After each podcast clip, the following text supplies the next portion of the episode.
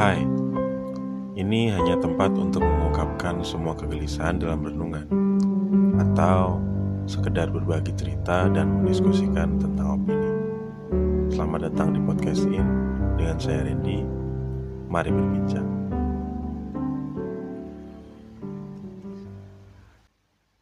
Cinta adalah suatu perasaan yang positif dan diberikan pada manusia atau benda lainnya yang dialami semua makhluk hidup. Dikutip dari Wikipedia. Cinta adalah anugerah yang diberikan Tuhan kepada kita. Cinta bersifat sangat universal, sangat bermacam-macam bentuknya.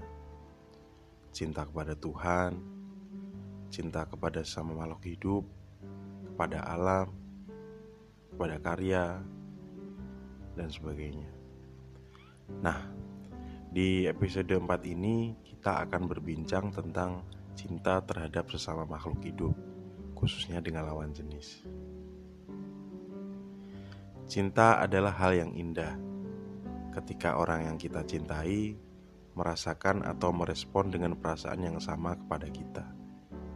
Dan kita bisa membangun sebuah relationship, entah itu pacaran atau pernikahan tapi akan jadi menyakitkan. Begitu mengecewakan ketika cinta kita kepada lawan jenis ini tidak direspon dengan baik atau bahkan tak terbalas. Sebut saja cinta bertepuk sebelah tangan. Ketika kita menyukai dan mencintai seseorang, kita membutuhkan orang yang kita cintai merasakan hal yang sama agar kita bisa membuat sebuah komitmen dan menjadi sebuah relationship. Namun, tidak jarang yang kita alami, justru cinta yang kita rasakan ini tidak mendapatkan feedback. Feedback yang sama dengan apa yang kita harapkan. Kenapa kondisi ini bisa terjadi? Apa alasannya? Apa yang salah? Dia atau aku? Dengan kita sudah bersikap baik, perhatian, memberi bantuan, memberi hadiah, memberi waktu bersama yang cukup, tapi masih belum ada feedback yang sesuai dengan harapan kita. Mungkin faktor ini muncul dari dia. Mungkin kita memang bukan tipe yang diinginkan, atau mungkin dia memang belum menginginkan seseorang datang di kehidupannya dan menjalani sebuah relationship. Tapi selain itu, apa pun alasan dia menolak cinta kita, sangat sah. Kita juga harus mengintrospeksi diri kita. Pikirkan hal apa yang membuat cinta kita gak dapat balasan. Apakah target kita sudah tepat? Mungkin kita suka dengan orang yang sangat tipis kesamaannya dengan kita misalkan hobi yang berbeda, kebiasaan yang berbeda, atau kita suka dengan lawan jenis yang dewasa, padahal kita belum mencapai fase itu. Ya, ketika kita mempunyai banyak kecocokan, itu juga akan membantu komunikasi kita lebih mudah dengan dia. Lalu, walaupun banyak orang bilang penampilan tidak penting, yang penting hatinya. Tidak bisa dipungkiri, aspek ini adalah salah satu faktor penunjang. Misalnya, ketika kita tidak rapi, ketika kita tidak bersih, jangankan orang yang akan mencintai kita, mendekat pun mungkin akan sulit, atau mungkin strategi PDKT kita yang salah. Coba kita koreksi lagi. Bagaimana kita mendekati seseorang Apakah kita terlalu agresif? Apakah kita terlalu berlebihan? Atau kita kurang komunikatif? Ya, sedangkan masing-masing orang mempunyai karakter masing-masing. Ada yang harus dihadapi dengan agresif, ada juga yang sebaliknya. Dorothy Tenoff, seorang psikologi Amerika pada tahun 1979, menyarankan bahwa satu-satunya obat ketika sedang jatuh cinta adalah mendapatkan bukti bahwa target orang yang dicintainya tidak tertarik dengannya. Lalu, apa yang harus kita lakukan ketika menghadapi case seperti ini? Ketika cinta kita berjalan sendiri, ketika cinta kita bertepuk sebelah tangan. Ketika kita mencintai dia yang nggak membalas, kita harus bisa terima. Nggak semuanya orang punya perasaan yang sama. Ketika kita jatuh cinta, secara tidak langsung kita sepakat untuk siap sakit hati. Ya memang nggak semua hal di dunia ini berjalan sesuai dengan rencana. Dan rasa cinta memang nggak bisa dipaksakan. Jangan terus-terusan terpaku padanya.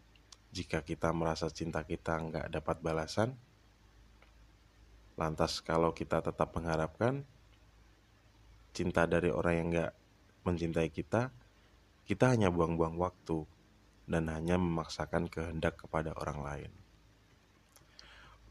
Mungkin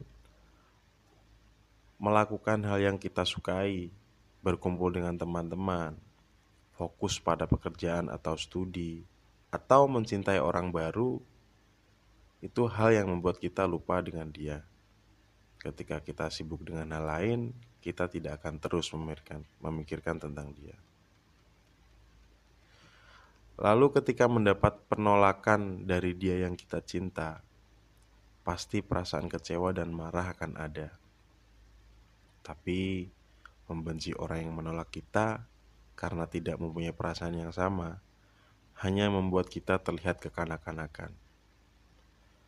Tetap berteman adalah pilihan yang bijak walaupun butuh waktu. Membenci hanya membuat kita terhambat, terhambat untuk maju dan terlihat belum dewasa. Pada akhirnya, pengalaman memang guru terbaik. Saat cinta kita tidak direspon, kita harus bersikap bijak. Ini bukan akhir dari segalanya. Kita nggak selayaknya mengingat semua pengorbanan yang kita lakukan. Anggap aja kita lagi nolong orang. Dari berbagai uraian yang kita perbincangkan ini, saya ingin kita menyadari beberapa poin. Pelajaran dari kondisi ketika kita mengalami penolakan atau cinta kita bertepuk sebelah tangan. Pertama, ada hal yang tidak bisa kita paksakan walaupun kita sangat menginginkan sekalipun.